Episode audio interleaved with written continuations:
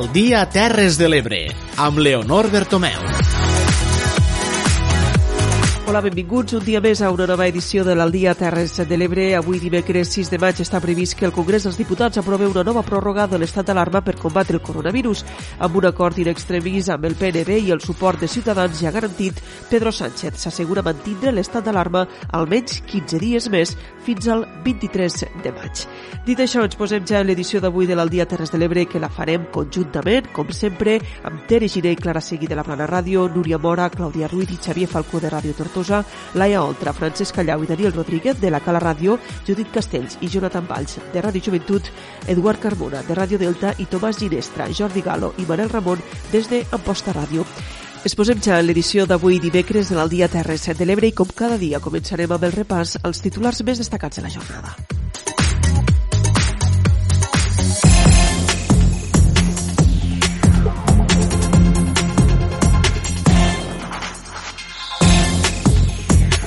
El Departament de Salut ha realitzat un total de 3.674 proves PCR a les Terres de l'Ebre des de l'inici de la pandèmia de la Covid-19, amb 206 casos positius. Les Terres de l'Ebre són el territori que registren l'índex de contagi més baix de tot Catalunya.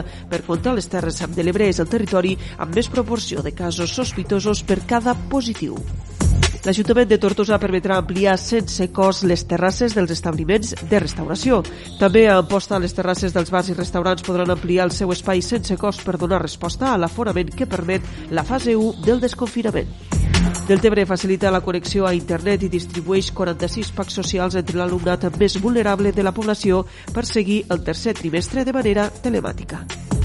A la Mella de Mar, l'Ajuntament neteja a pressió les barques de pesca del port marítim. En un altre ordre de coses, l'Ajuntament d'Amposta reinicia les obres de millora de pluvials a la ciutat. A Tortosa, el grup municipal de Movem proposa crear noves zones peatonals a la ciutat. I a la Mella de Mar s'enllesteix el nou mirador al port del carrer Mediterrani. També els explicarem que el Departament d'Agricultura destinarà 1,6 milions d'euros en ajuts al sector aqüícola del Delta de l'Ebre per a recuperar la seva capacitat productiva després del temporal Glòria. Estos són els titulars més destacats d'avui dimecres 6 de maig. Ens posem ja tot seguit a l'Aldia Terres de l'Ebre a ampliar-los tota aquesta informació.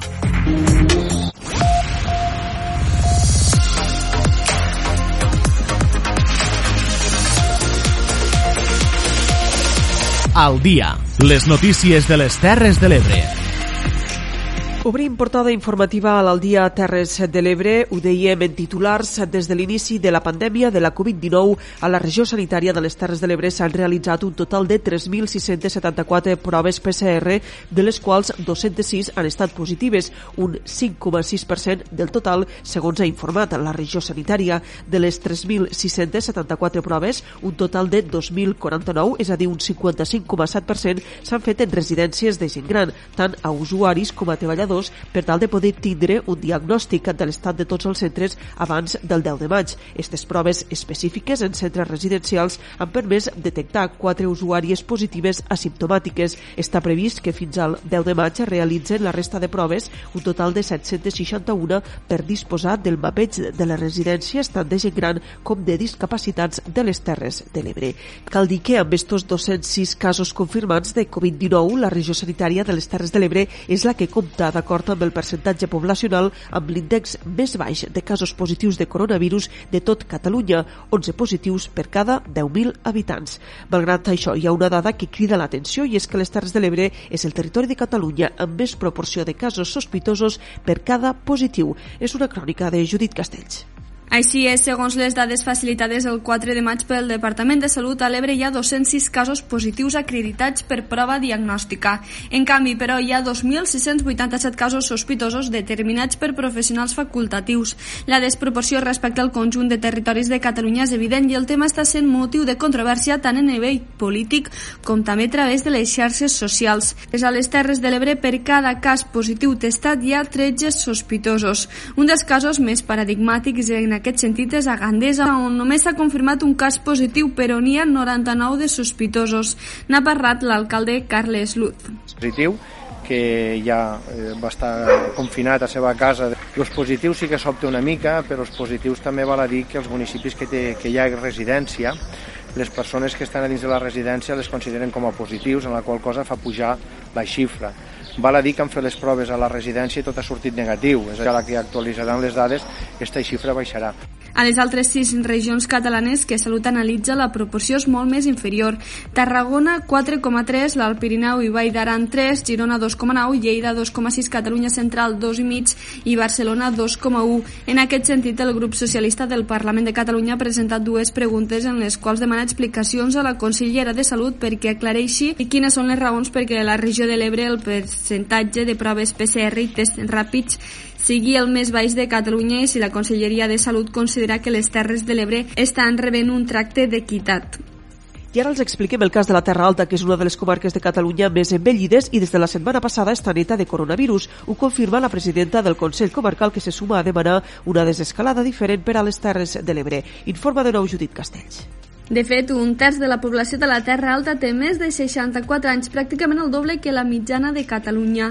La comarca, però, només ha registrat oficialment 5 casos de Covid-19, un oasi dins l'oasi que han representat les Terres de l'Ebre i, de moment, a la Terra Alta se pot dir que està neta de coronavirus.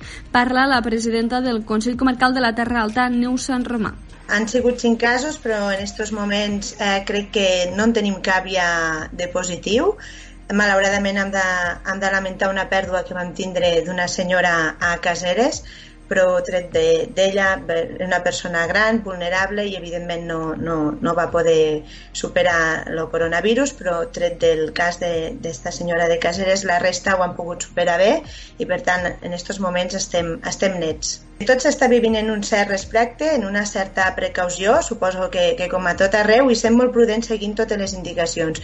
Tot i així, eh, natres, des de la comarca, des de Terres de l'Ebre també s'ha reivindicat, i la consellera que també ho ha dit públicament, entenem que este desconfinament que hi ha previst fer i que tota l'estructura que ha d'hi haver no ha de ser homogènia i igual per a, tota, per a tot el país, sinó que s'ha de tindre en compte la idiosincràsia de cada lloc i les característiques que tenim a cada territori. Des del Consell Comarcal s'està treballant en prioritzar l'atenció social i les mesures econòmiques per pal·liar els efectes de la crisi econòmica. Ja s'alerta que, com a la majoria d'ajuntaments, hi haurà modificacions importants del pressupost. A la comarca també s'ha posat en marxa una borsa de treball exclusiva per al sector agrícola i ramader.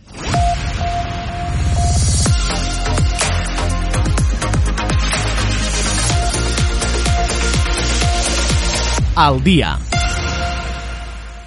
El pròxim dilluns 11 de maig està previst entrar ja a la fase 1 del desconfinament. Això implica l'obertura de bars, cafeteries i restaurants amb un aforament limitat. Des de l'Ajuntament de Tortosa ja han anunciat que també permetran ampliar les terrasses dels seus establiments sense cap cost. Ens informa Clàudia Ruiz.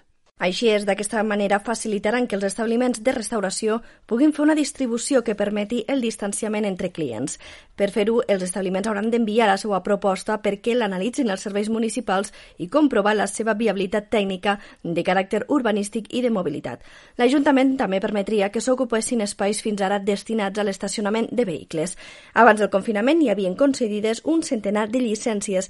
L'alcaldessa Tortosa Meritxell Roger, amb l'ampliació de terrasses, vol facilitar el retorn a l'activitat d'aquesta part de l'hostaleria, un dels àmbits econòmics de la ciutat que s'han vist directament afectats per la paràlisi derivada de la pandèmia. Ara que podran obrir des de l'Ajuntament el que volem és facilitar-los la seva activitat i per tant els permetrem ampliar les eh, terrasses per tal de poder complir amb les mesures que es portaran a terme i que s'obligarà a dia d'avui a, a les terrasses i per tant els permetem ampliar sense que això suposi que incrementar cap cost. A la vegada també vull recordar que vam suspendre el fet de, de pagar la taxa i per tant això va ser una de les primeres mesures que vam adoptar i per tant l'objectiu com a Ajuntament és poder estar al costat dels restaurants, dels bars, de les cafeteries per tal de que puguen tornar a engegar la seva activitat en les millors condicions. La nova mesura hauria estat ja traslladada als restauradors Platicot i a la Federació de Comerç, Restauració, Serveis i Turisme de Tortosa, amb les quals el govern municipal ja s'ha reunit al llarg d'aquestes setmanes de confinament per estudiar les mesures a aplicar per al retorn progressiu a la normalitat. I en el cas d'Amposta, l'Ajuntament també ha anunciat que les terrasses dels bars i restaurants d'Amposta podran ampliar el seu espai sense cost per poder donar així resposta a l'aforament que permet el desconfinament en la fase 1. Ens informa Manel Ramon.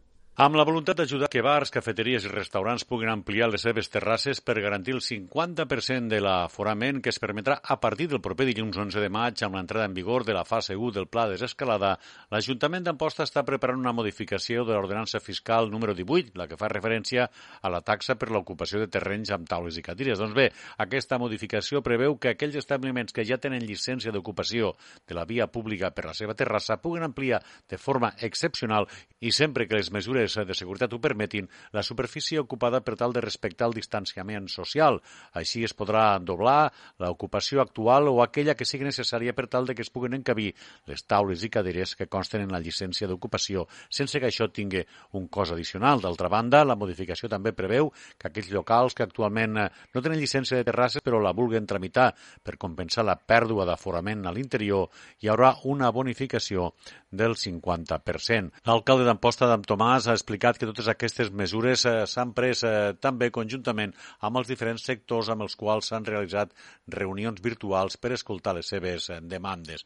Aquesta modificació s'aprova aquest dilluns amb un decret d'alcaldia i es donarà compte en el proper Anem ara fins a Deltebre, ja que l'Ajuntament continua treballant per tal que tot l'alumnat del municipi pugui seguir amb normalitat les classes del tercer trimestre que van reiniciar-se de manera telemàtica després de la Setmana Santa. Fins ara el consistori ha instal·lat 5 connexions a la xarxa d'internet i també està distribuint casa per casa 46 packs socials entre les famílies més vulnerables. El tinent d'alcaldia de Deltebre Projecció, Carlos Serra, ha explicat que l'objectiu és que tot l'alumnat de Deltebre dispose de les mateixes oportunitats.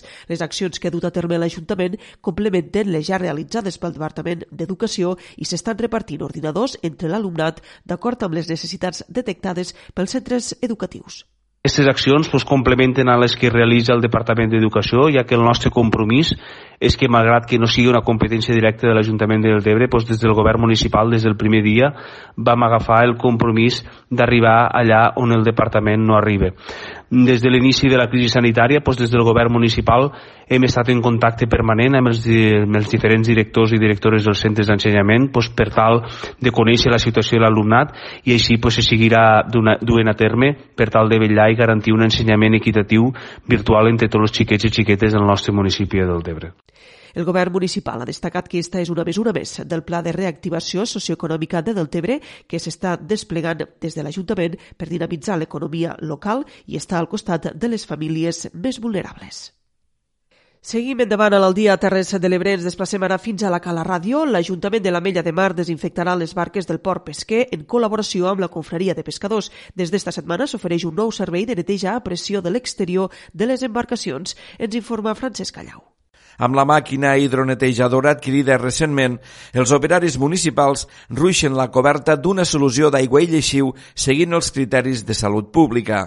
D'aquesta manera es reforçarà la desinfecció que fan els mateixos mariners. Les neteges es faran progressivament a les embarcacions que ho demanin, ja siguin d'arrossegament, d'encerclament com d'arts menors. L'alcalde Jordi Gazani ha destacat el compromís de l'Ajuntament per donar més facilitats al sector l'Ajuntament i la Cofradia de Pescadors, doncs, com ja va fent normalment, eh, en aquest cas encara més, i eh, doncs comparteixen i es coordinen per a poder ajudar eh, doncs amb les maquinàries que disposem per a facilitar la neteja eh, i la desinfecció de eh, les barques de pesca eh, de la Mella de Mar. Aquest servei reforça el que l'Ajuntament realitza a la mateixa confraria amb la desinfecció periòdica de les seves instal·lacions des de l'inici de l'estat d'alarma. El seu patró major, Miquel Brull, ha agraït l'ajuda rebuda en nom dels pescadors. Des d'aquí voldria donar agraïment a, a, en nom de la confraria de tots els pescadors a l'Ajuntament de, del poble perquè pues, cada dia, cada dia, cada dia ens ven a, a desinfectar tot el que són les instal·lacions de la confradia i això doncs, dona també una, una tranquil·litat. Les sortides permeses a la ciutadania a partir del 2 de maig han provocat imatges de ciutadans que no respecten les mesures de distanciament social que estan recomanades. Per afavorir-ho, des del grup municipal de Movem Tortosa han proposat crear zones peatonals provisionals a la ciutat. És de nou una crònica de Clàudia Ruiz. Han posat d'exemple el cas de la plaça de l'Ajuntament, abans obert al trànsit rodat i que per un tancament provisional ara s'ha convertit en una zona peatonal definitiva. Els nous espais diuen que hauran d'estar consensuats amb les associacions de veïns i amb el sector comercial implicat. Tots ells haurien d'estar ben indicats amb senyalització horitzontal. En aquest sentit, també demanen reduir el temps d'espera dels semàfors per als peatons per evitar així les aglomeracions. Diuen que ara també serà el moment per prioritzar la mobilitat de bicicletes, tal com ha explicat el seu portaveu portaveu Jordi Jordan. Pensem que dintre d'aquest pla hauria d'haver i tirar endavant mesures per a ampliar i connectar tots els carrils bici de la nostra ciutat. I ara pensem que, com estan fent molts altres municipis, cal reforçar els que ja tenim i ampliar-los per a facilitar aquesta mobilitat amb la bicicleta. Esta crisi que estem vivint ha de convertir-se en una oportunitat per a, eh, el que dèiem abans, tindre una mobilitat més segura i tindre una mobilitat més sostenible. També proposen a l'Ajuntament altres mesures, com per exemple recuperar les patrulles ciclistes i les policies de barri, incrementar les partides socials, crear plans d'ocupació i l'obertura del wifi. En Cultura demanaran que les actuacions que s'obrin properament a un públic reduït es puguin veure també en streaming. Sabem que en les properes setmanes podran començar a fer eh, algunes actuacions en l'àmbit eh, de la cultura, però en un aforament molt limitat. Això voldrà dir, per exemple, en el cas del nostre auditori, que no es podrà omplir eh, al 100% com era habitual. Llavors, nosaltres el que proposem és que hi hagi eh, un aforament in, in situ al mateix teatre per a que es puguen seguir eh, les activitats culturals, però a la vegada que l'Ajuntament retransmitís que via streaming eh, a la ciutadania també aquestes actuacions i fent una diferenciació de tarifes. Per fer-ho possible, Jordan ha assenyalat que caldran inversions en càmeres i aparells tecnològics. Pel que fa a la paralització de les obres de la plaça de la Catedral, Jordan ha dit que es troba davant d'una nova mala gestió perquè diu que les modificacions i l'estat d'alarma han servit d'excusa. Deixem ara les informacions relacionades amb la Covid-19. Obrim un nou bloc informatiu a l'Aldia Terres de l'Ebre per explicar-los que l'Ajuntament d'Amposta reinicia les obres de millora de pluvials a la ciutat. Aquestes obres afectaran durant 15 dies el trànsit pel centre de la ciutat. En té tots els detalls Manel Ramon des d'Amposta Ràdio. Efectivament, l'Ajuntament d'Amposta ha reiniciat les obres de millora dels pluvials del carrer Palau i Quer, unes obres que també inclouen la millora dels serveis de clavegram o subministrament elèctric. Aquestes obres són la continuació d'una important obra que ha de millorar el desguàs de les aigües pluvials procedents del barri del Grau de la ciutat i també de la zona del mercat fins al canal i que forma part de les inversions previstes en la millora del sistema de pluvials de la ciutat. Així ho explicava l'alcalde d'Amposta. Com ja sabeu, durant els últims anys hem estat treballant en, en canviar clavegueres eh, i en canviar pluvials de eh, tot el que eren els carrers Agustina d'Aragó, eh, carrer Tarragona, les, do, les, els dos primers tramos des, del, des de l'Agustina d'Aragó fins, fins al mercat i eh, tot això havia d'anar al, al canal eh, pel carrer del Grau, eh, que és, com ja sabeu hi ha un, hi ha un tubo que, que aboca al canal.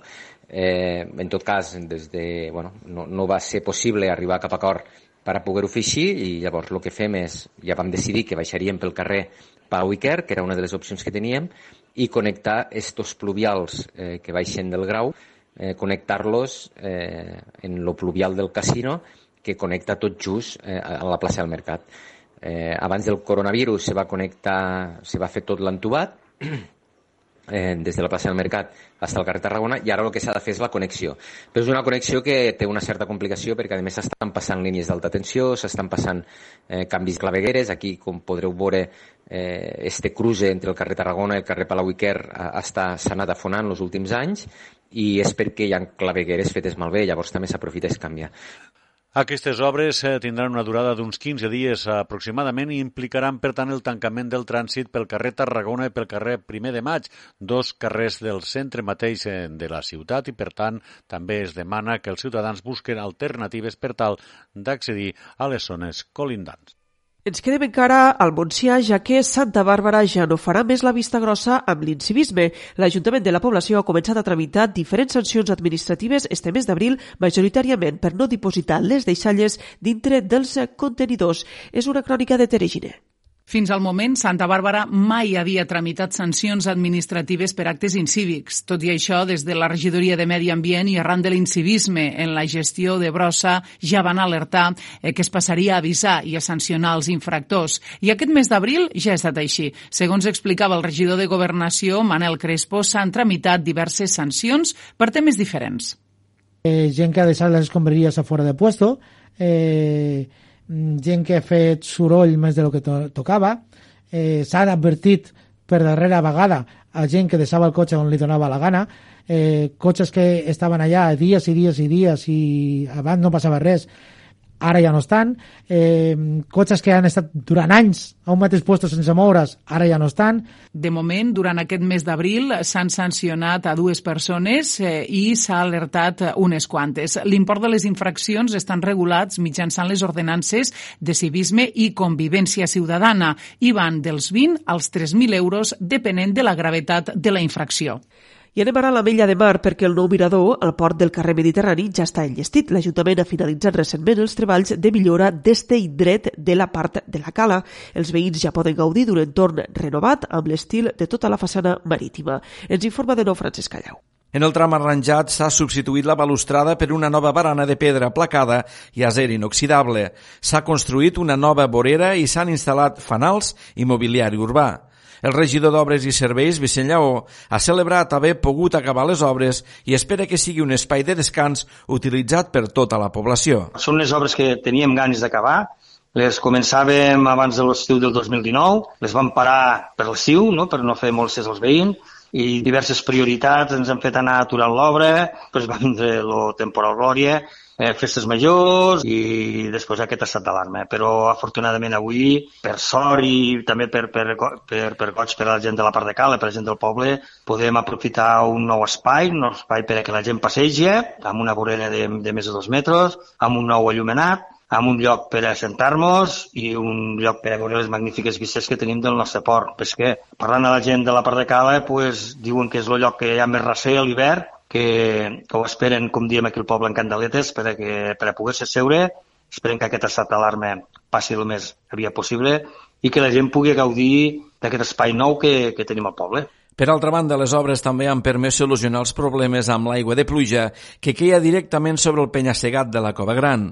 Per això s'han instal·lat uns nous col·lectors pluvials perquè caigui en forma de petites cascades i no per damunt de la roca. Tota l'actuació s'ha finançat amb recursos propis. Deixem ara de banda la crònica municipal a l'Aldia Terres de l'Ebre i ens ocupem d'altres qüestions. El Departament d'Agricultura destinarà 1,6 milions d'euros en ajuts al sector aqüícola del Delta de l'Ebre per a recuperar la seva capacitat productiva després del temporal Glòria.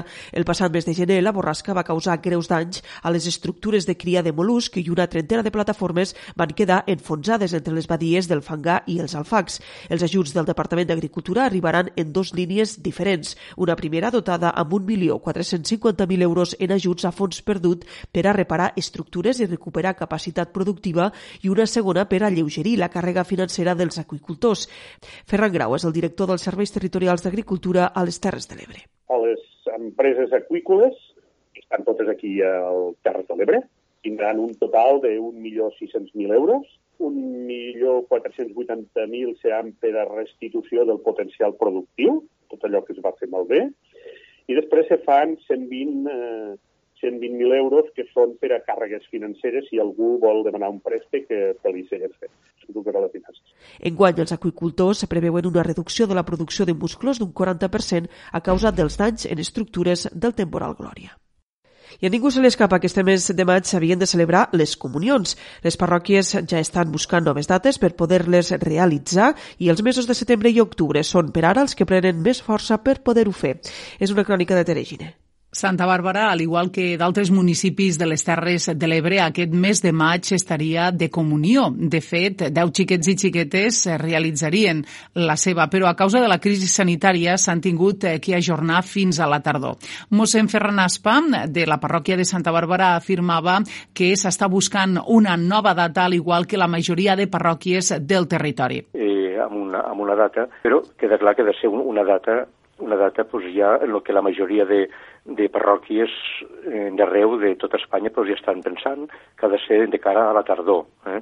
O sigui, a partir de setembre eh, hem d'anar pensant en fer totes les, les celebracions. Eh? Abans, abans és molt, és molt arriscat perquè ens poden, mos poden, quedar, mos poden quedar que no se pugui, que no se pugui arribar a fer. Els mesos de setembre i octubre són els que prenen més força. Tot i això, encara que s'hi puguin celebrar les comunions, la situació actual arran de la crisi sanitària fa que tampoc se sàpiga si s'hauran de fer amb un nombre determinat de públic, ja que solen ser actes multitudinaris. I, i aquesta convocatòria pues, d'un cert número de, de persones pues, millor quedarà, eh, quedarà limitada i em diràs tu, pues, clar, a l'església, pues, eh, en les comunions, pues, cada família pues, igual porta pues, 50, 60, 100 invitats, i, clar, i, i potser que això quedarà, eh, quedarà, quedarà prohibit, un número uh -huh. tan, tan elevat, no? La parròquia de Santa Bàrbara durant aquest temps ha seguit fent missa, això sí, a porta tancada. Algunes s'han retransmès des de la plana ràdio, tal com es farà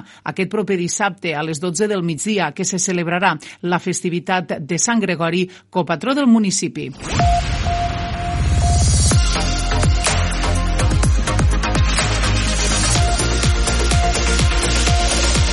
Al dia.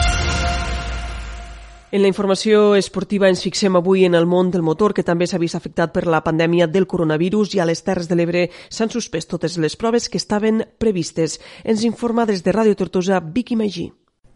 La situació provocada pel coronavirus va obligar a la Federació Catalana de Motociclisme a ajornar totes les competicions federades al territori català, a expenses de veure com evoluciona la pandèmia. Esta decisió va afectar algunes proves que havien de celebrar-se a les Terres de l'Ebre. El Motoclub Tortosa, per exemple, va ajornar la Copa Catalana de Trial de Nens del passat mes d'abril i el Campionat de Catalunya de Trial Open del 31 de maig. Nazario Garcia, president del Motoclub Tortosa, parla d'esta decisió. Després de parlar amb la Federació Catalana de Motociclisme, encara no sabem com quedarà el calendari de les proves federades programades per abans del setembre.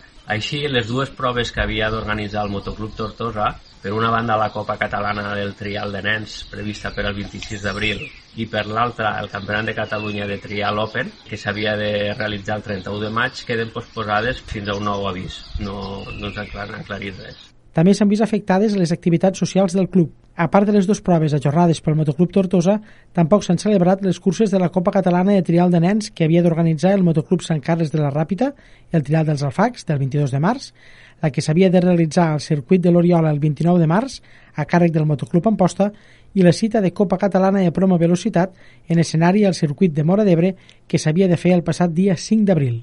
Encara un últim apunt pel que fa a la informació esportiva. La setmana Barça Jugadors que s'havia de fer a Tortosa al mes de juny ha quedat ajornada fins l'any que ve. Ens informa de nou Vicky Megí. A causa de la situació provocada pel coronavirus, l'agrupació de jugadors del Futbol Club Barcelona i l'Ajuntament de Tortosa han decidit cancel·lar la setmana Barça Jugadors que s'havia de celebrar del 8 al 14 de juny a la ciutat i l'han ajornat per al mes de juny de l'any que ve. La setmana Barça Jugadors té l'objectiu de contribuir a la difusió dels valors blaugrana a través d'una sèrie d'activitats gratuïtes com xerrades, tallers i conferències protagonitzades per exjugadors i exjugadores blaugrana. Ximo Martorell, regidor d'Esports de l'Ajuntament de Tortosa, parla d'esta decisió. Aquestes activitats difícilment es poden dur a terme en el context de restriccions socials que vivim en aquests moments i que tot fa preveure que al juny no hauran desaparegut completament. A més, des del club també volen preservar la salut dels exjugadors. Per tot això, la Setmana Barça arribarà a Tortosa al juny del 2021 i esperem poder comptar amb la màxima participació d'aficionats i seguidors blaugrana. En esta edició estava previst culminar la cita en la trobada anual d'exjugadors del club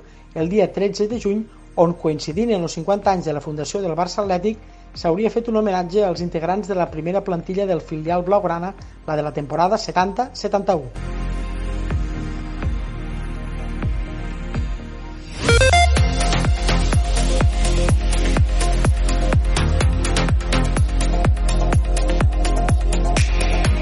El Departament d'Educació ha anunciat esta setmana que el pròxim curs s'implantaran nous estudis de formació professional als instituts Sol de Riu d'Alcanar i Manuel Sales i Ferrer d'Ulldecona.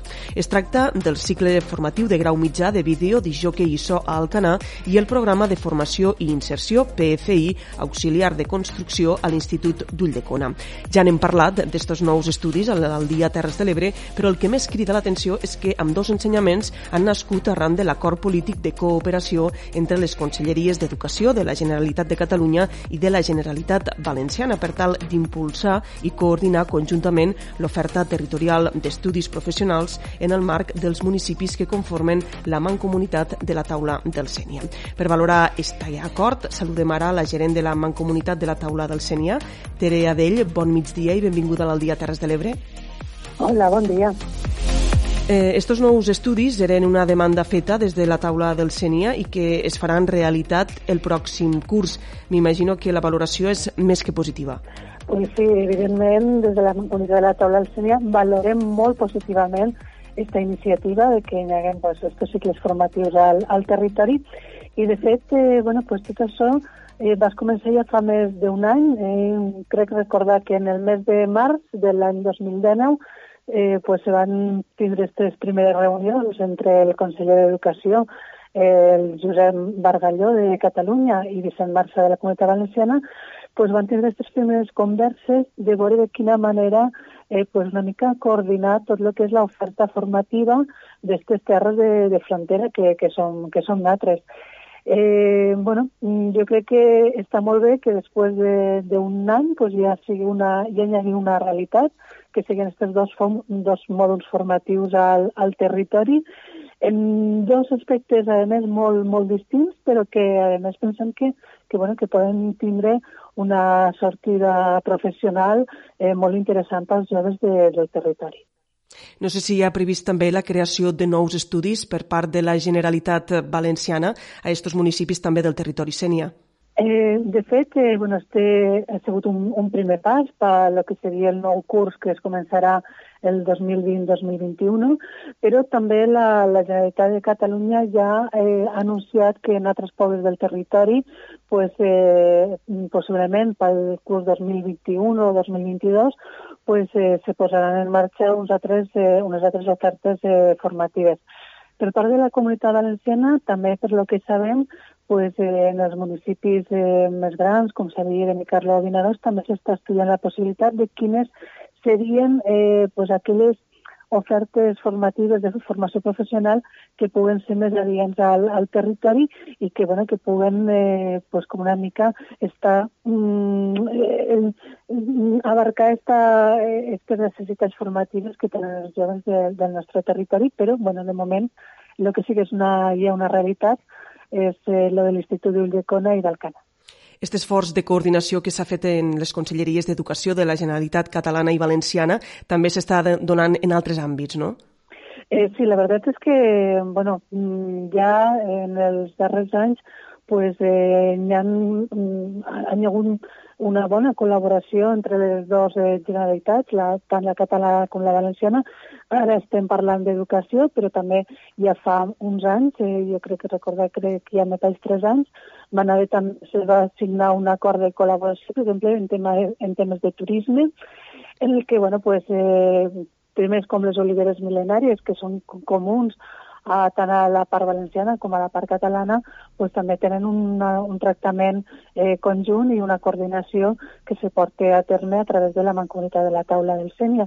Però bueno, no sol en, també en turisme, sinó en altres temes pues, eh, s'està intentant portar mm, que sigui d'una forma coordinada el tema de transport, el tema de les urgències, que, bueno, que va una miqueta més, més atrasat, però sí ja s'han tingut algunes eh, reunions preparatòries perquè bueno, pues, eh, en territoris en què la realitat pues, és que no hi ha fronteres, pues, hi ha que veure la manera de, de que les, de, les administracions pertinents pues, puguin coordinar-se i puguen donar eh, suport a la gent de, del territori.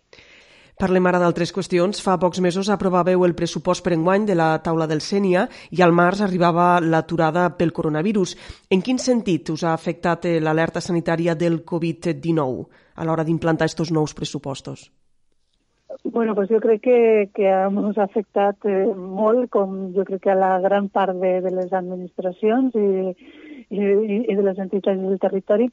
Eh, de fet, eh, nosaltres teníem en marxa un taller d'ocupació de, de treballs forestals on tenim 10 alumnes treballadors, eh, més el, el personal docent i directiu, i eh, bueno, pues en el moment en què se va decretar l'estat d'alarma vam tindre que deixar les activitats d'aquest taller d'empleo, però bueno, ja pareix que les coses estiguen, es comencen a tornar a funcionar. Per exemple, el tema de la formació pues, eh, ja a, en principis d'abril vam començar a fer una formació a distància als alumnes del taller i eh, el dilluns, este dilluns, eh, dia 4, pues, hem reemprès les, eh, els treballs pràctics de treballs forestals de, del taller, en el qual bueno, pues, hem estat quasi pràcticament un mes i mig eh, en tota l'activitat parada del taller, però ara pues, eh, seguim país que tornem a ficar a reiniciar l'activitat.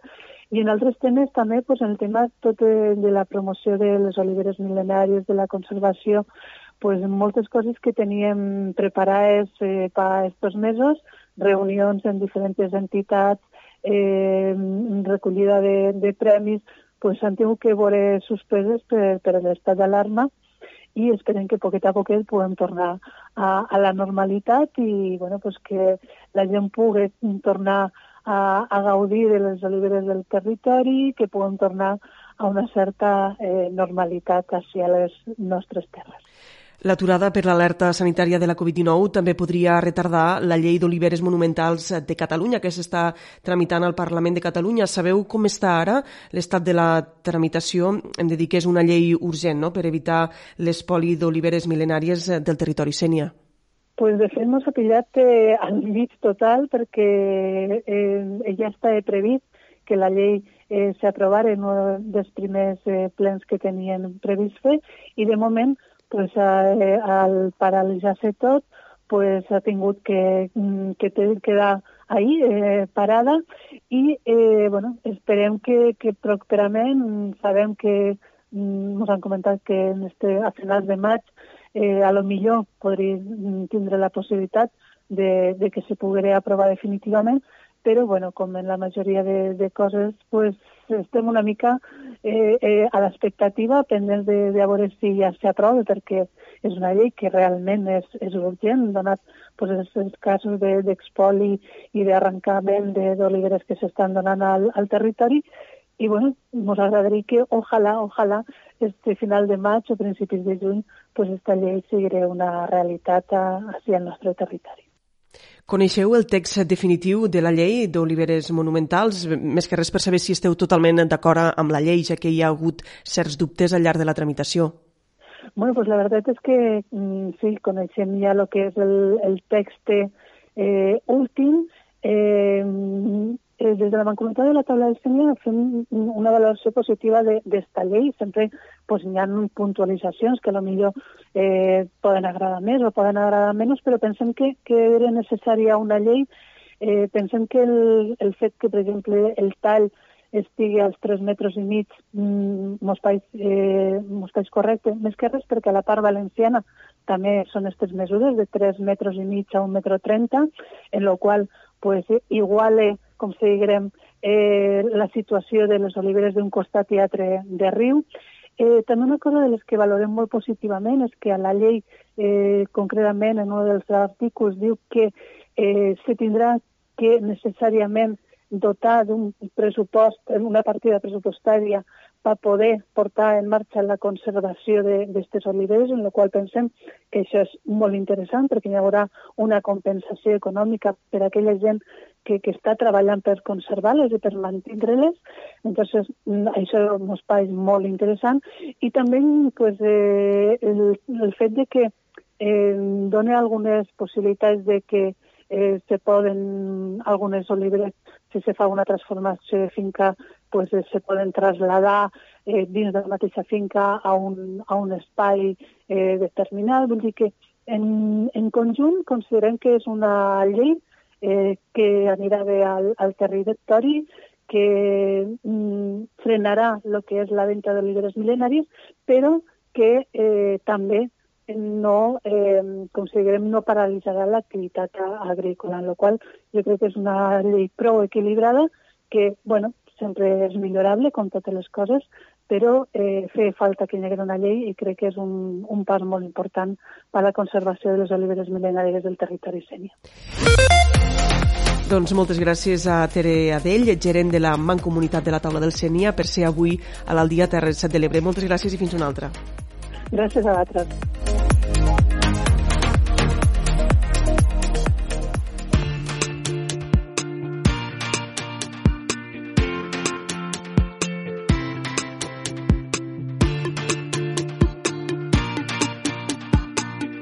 I ara al dia Terres de l'Ebre ha arribat el moment de parlar de psicologia a l'espai de psicologia en temps de confinament que ens apropen cada dia des de la Plana Ràdio Clara Seguí i Assumpta Arasa. Doncs ara arriba el moment de parlar de psicologia. L'espai de psicologia en temps de coronavirus amb l'Assumpta Arasa, que la tenim a l'altra banda del telèfon. Avui volem parlar d'un tema doncs, que aquesta setmana ja ha començat a moure's i és el tema de sortir a comprar. No? Molts comerços ja s'han posat en marxa.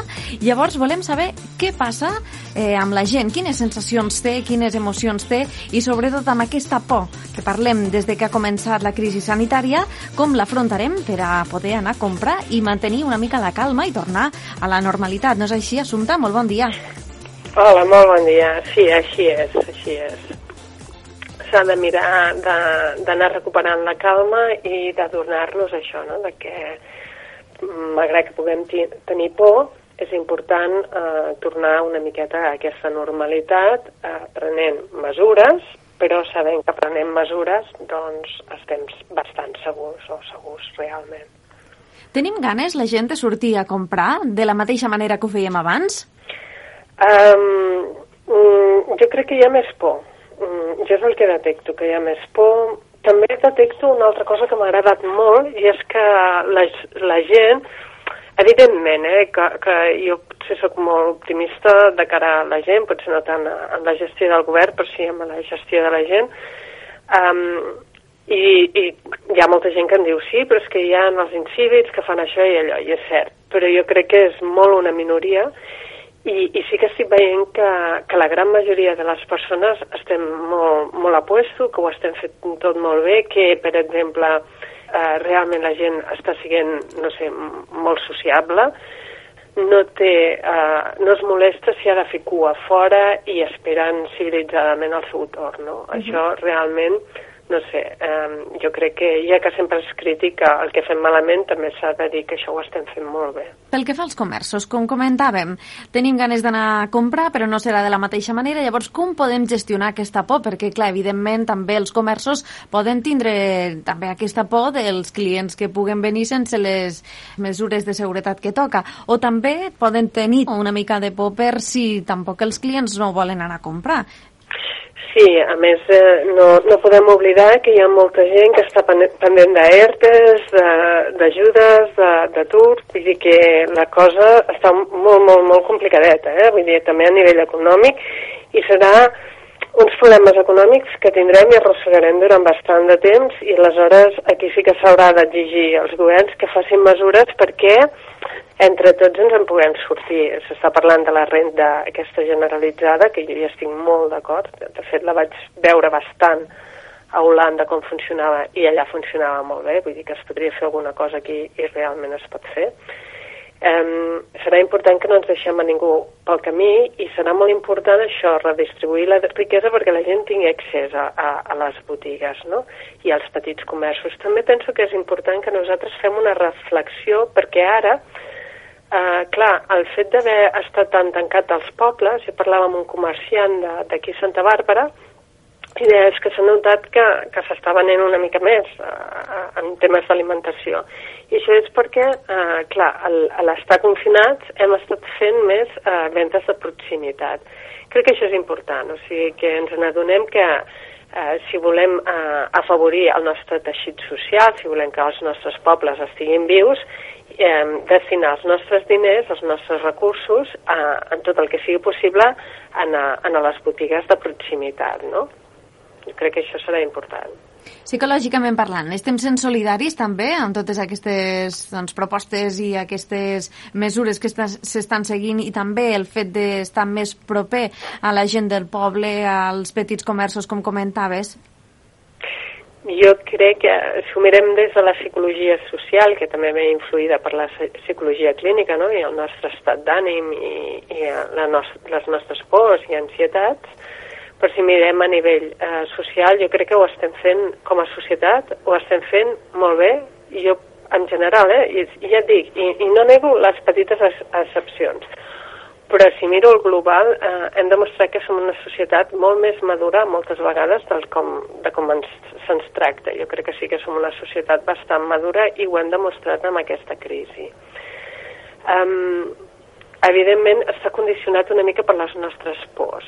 I crec que aquí el missatge que ara s'ha de fer és eh, quines eines tenim, això ja ho vam parlar una mica ahir, quins recursos tenim nosaltres per anar a, i poder consumir eh, els productes d'aquestes botigues, dels nostres pobles i dels nostres barris, um, què podem fer i, i com podem anar-hi segurs. I una vegada tinguem clar que podem anar-hi, podem anar segurs, uh, amb, amb, amb totes les normes de civisme, però fer-ho.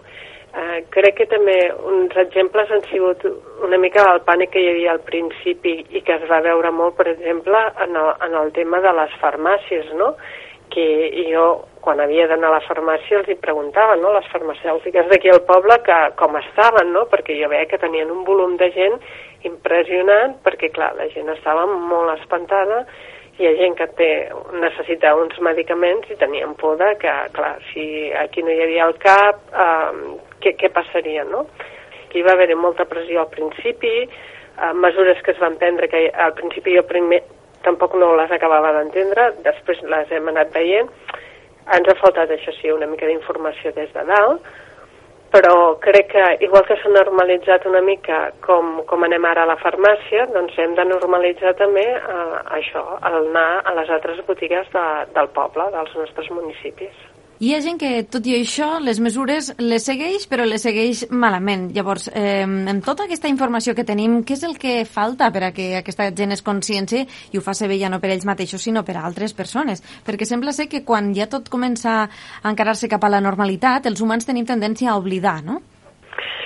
Sí, aquest, eh, de fet, és un mecanisme psicològic eh, bastant bo. Mm. Ens preserva de, de l'ansietat. O sigui, el fet de, de voler tenir normalitats, això ens, ens genera benestar. Si estem massa alerta, eh, activem massa el sistema aquest de l'amígdala i llavors ho vivim tot amb massa angoixa, amb massa por i podem desencadenar trastorns no? de, de l'espectre ansiós. Per tant, en si és un bon mecanisme aquest d'oblidar-nos. A, a veure, bé, bé, al 100% segur que no ho farem tots. El més important és la voluntat i, evidentment, intentar fer-ho bé però a tothom se'ns pot passar un dia. Això senzillament ens fa humans. No, vull dir que, que jo puntualment em pugui oblidar de fer no sé què, um, no haig d'agafar-ho després com que o què hauré generat a l'altre o, o què em pot passar a mi, perquè realment sí clar que hi ha perill de contagi, però tampoc no, és a dir, tampoc perquè una vegada m'equivoqui una mica no vol dir que automàticament m'hagi posat en risc de vida. Eh, això no és així. Sembla que això s'ha normalitzat més, tot i que jo penso que és una malaltia prou perillosa i s'hauria d'entomar bastant seriosament, i és una mica com quan treballàvem amb la sida, no? I me'n recordo que hi havia molta gent que no volia treballar amb persones afectades de la sida i jo em vaig donar de voluntària. Eh? Aleshores, en allà també havíem d'anar amb compte, potser fins i tot més, i, i el perill era molt més greu, llavors la sida, que el que ara realment seria el Covid. Tot mm. i que eh, això és una pandèmia i allò no ho era, no? O sigui que hi ha dif diferències i el mateix. O sigui, aquí l'important és ser responsable, intentar fer-ho bé i, i prendre totes les mesures possibles. Però és que tothom a vegades eh, es despista una mica. Però despistar-se una mica eh, no implica automàticament ja haver corregut un perill tan imminent com perquè t'acabis morint, eh? perquè això no és així. Bé, durant aquests dies estan sortint moltes enquestes, moltes entrevistes i una d'elles, per exemple, que em vull centrar a rac han demanat si confien en la ciutadania, tots aquests establiments, aquests comerços, si confien en la ciutadania, si serà responsable en la fase 0 de la desescalada i també més endavant. Doncs bé, m'ha sorprès que un 90% de la població diu que no i un 9,38% diu que sí dels sí, 1.900 persones que, que han votat. Quan s'infantilitza una societat des de dalt, o sigui, se'ns infantilitza, aleshores tenim tendència a creure que és que som el que l'etiqueta que se'ns posa, no? Això en anglès eh, i dins de la psicologia ho treballem molt, que es diu el labeling, és a dir, posar-te una etiqueta i caure i creure't amb aquesta etiqueta. Hi ha un corrent psicològic al qual jo hi estic bastant i sóc molt propera, que per evitar això eh, la majoria de, de la gent que treballa dins d'aquest corrent eh, no posa etiquetes de lo que serien trastorns, no? Senzillament descriuen els, eh, els símptomes però no diagnostiquen. Justament per evitar això, no? Que la gent s'acabi creient la seva pròpia etiqueta.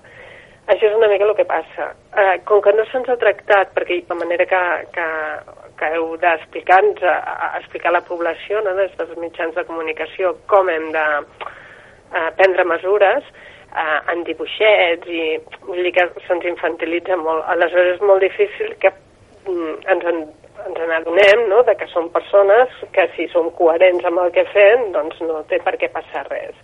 És una imatge totalment diferent al que ha passat a Alemanya. A Alemanya va sortir la seva primera ministra, l'Angela Merkel, i des de, des de la informació que prèviament havia rebut amb els seus coneixements es va plantificar allà i va explicar a la població exactament de què anava això i què havien de fer i com entre tots ho havien de fer. Aquest és un canvi total de paradigma. Jo crec que avui, i jo tinc amics alemans, eh, els hi preguntes als alemans què han de fer i, i t'ho expliquen clarament. Tinc amics holandesos, els hi pregunto què han de fer i m'expliquen clarament el que ells estan fent i com ho estan gestionant i ho pregunto aquí i tothom diu el que podem, saben? I aquesta és una mica la diferència. I jo crec que per això moltes vegades dic que és una llàstima no? que no se'ns hagi tractat amb la mateixa maduresa que jo crec que sí que eh, ens hem guanyat a pols, perquè aquests 50 dies confinats hem de mostrar claríssimament que som una societat molt madura. Doncs bé, Assumpte, ha estat tot un plaer, se'ns ha acabat el temps. Si et sembla, reprenem demà una altra d'aquesta edició de Psicologia en temps de coronavirus. Hem parlat amb Assumpta Arasa, psicòloga general sanitària. Gràcies un dia més. Gràcies a vosaltres i, i bueno, prenem mesures, a, a, donem suport al comerç de proximitat. Que així sigui, gràcies.